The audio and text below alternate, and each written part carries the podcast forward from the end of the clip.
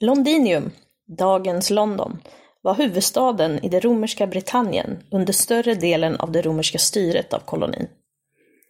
Det var ursprungligen en bosättning som etablerades runt 47 till 50 efter vår tideräkning vid en viktig punkt vid Themsen, vilket gjorde staden till en vägförbindelse och en större hamn som fungerade som ett stort kommersiellt centrum tills det övergavs under 500-talet.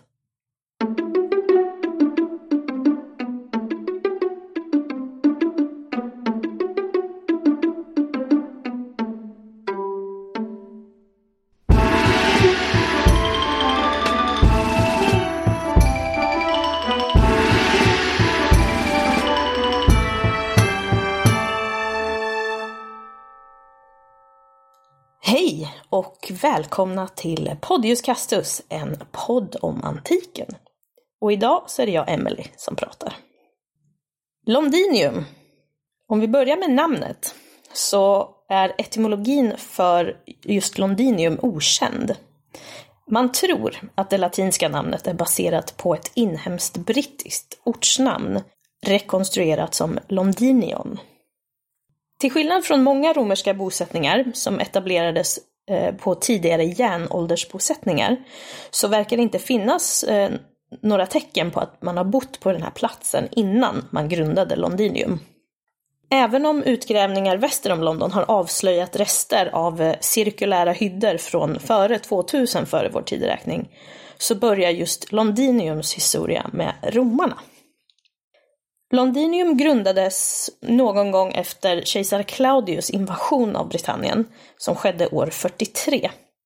Där romarna snabbt kontrollerade stora delar av eh, sydöstra Britannien.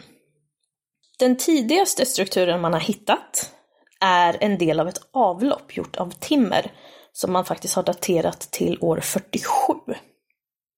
Och Londinium har grundats på en plats där floden Themsen var så pass smal att man kunde bygga en bro för att länka den norra och södra sidan. Men samtidigt en plats där floden var tillräckligt djup för att kunna låta skepp komma in och ut.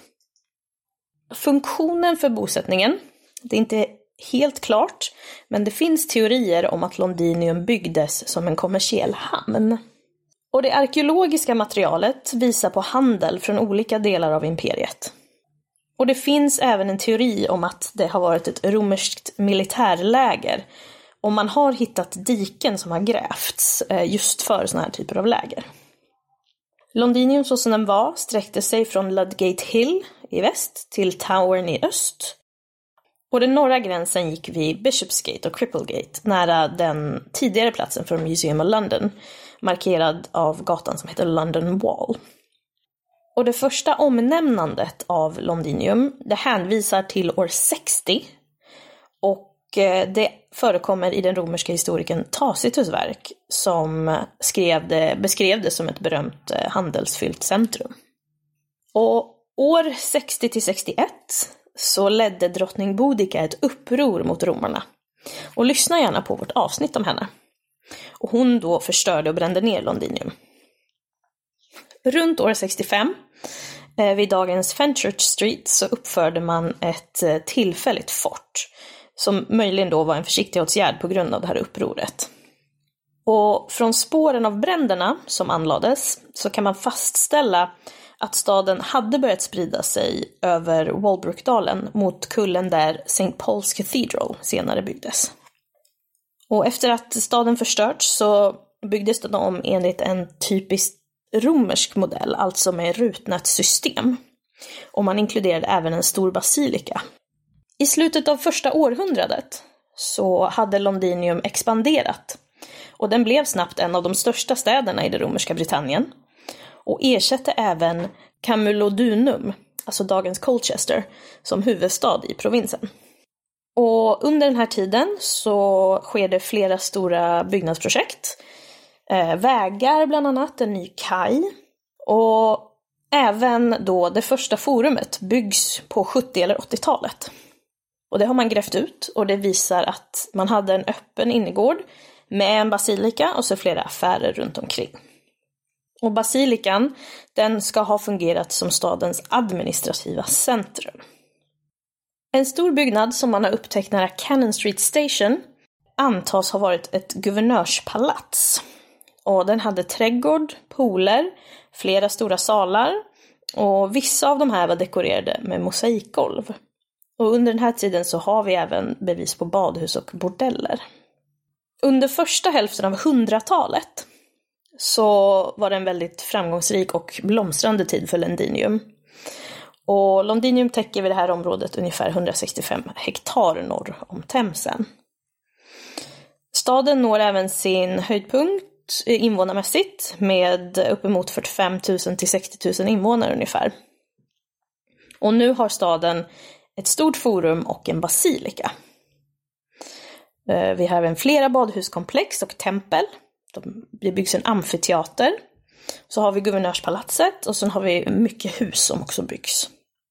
Staden hade även vattenledningar och ett ganska sofistikerat eh, avloppssystem. Och guvernörspalatset byggs även om under den här tiden och man utökar forumet. Stadens Jupitertempel renoverades, offentliga och privata badhus uppfördes och man uppförde även ett fort eh, nordväst om staden. Och någon gång mellan 190 och 225 så bygger romarna en försvarsmur runt landsidan av staden. Och tillsammans med Hadrianusmuren och det vägnät man bygger så var den här muren faktiskt ett av de största byggprojekten som genomfördes i det romerska Britannien. Och resterna av den här muren kan man se vid eh, eh, Barbican Station. Eh, och den här delen av muren kallas för The London Wall och ligger precis eh, väldigt nära Towern.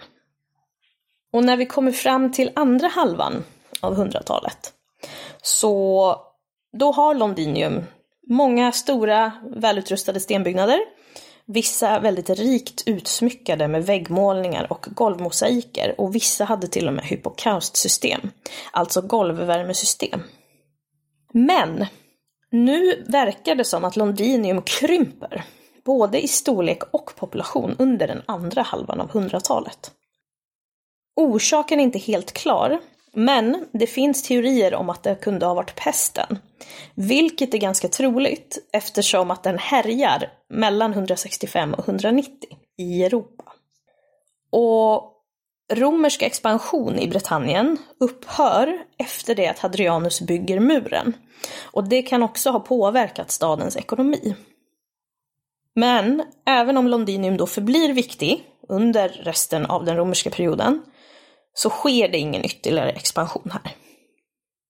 Och även om befolkningen krympte något så förblir Londinium hyfsat välbefolkat.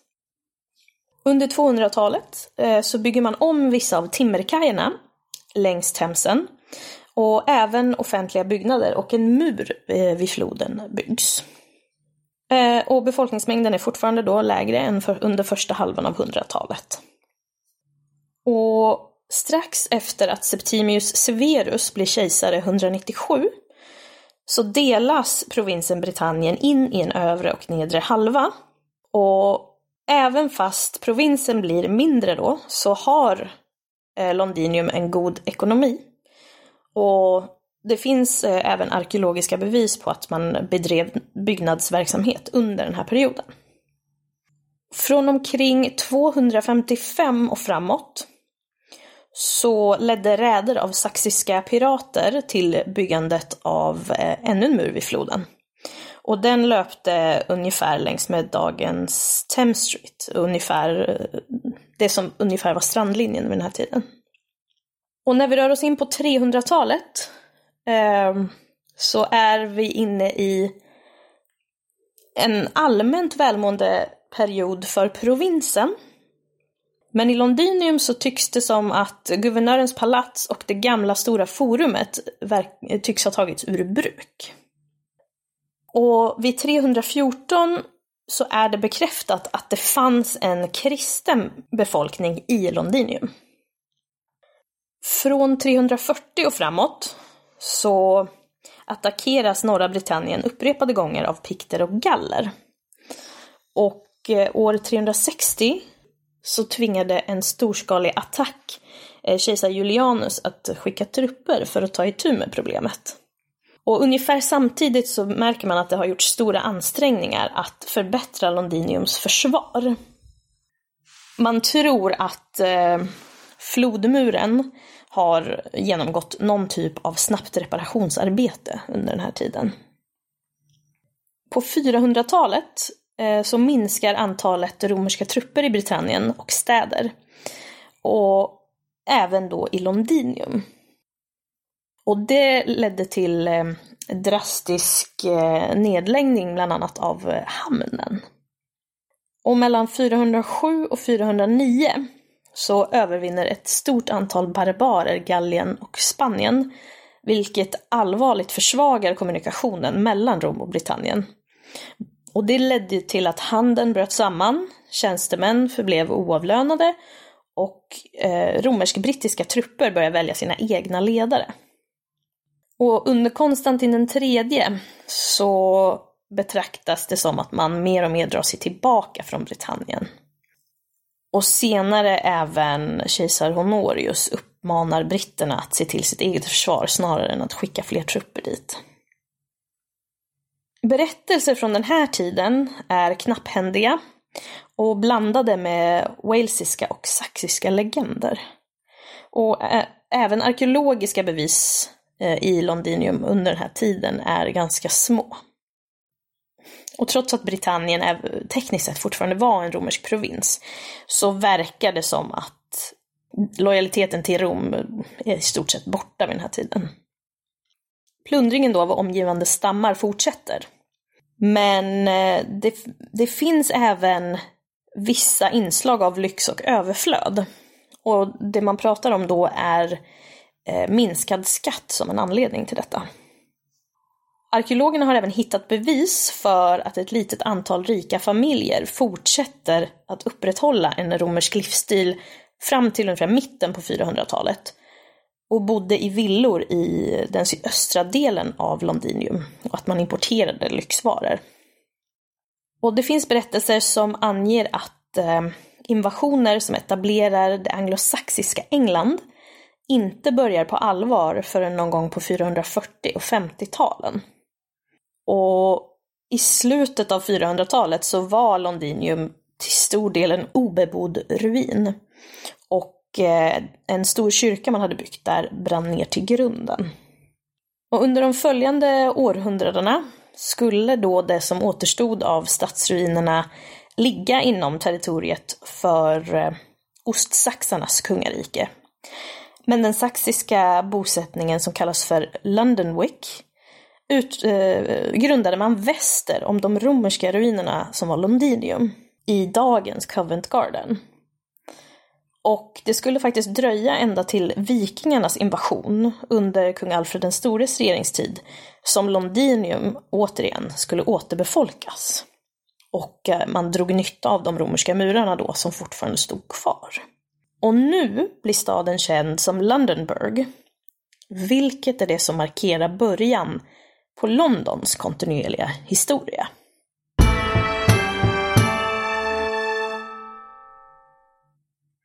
Och det var lite kort om eh, Londinium.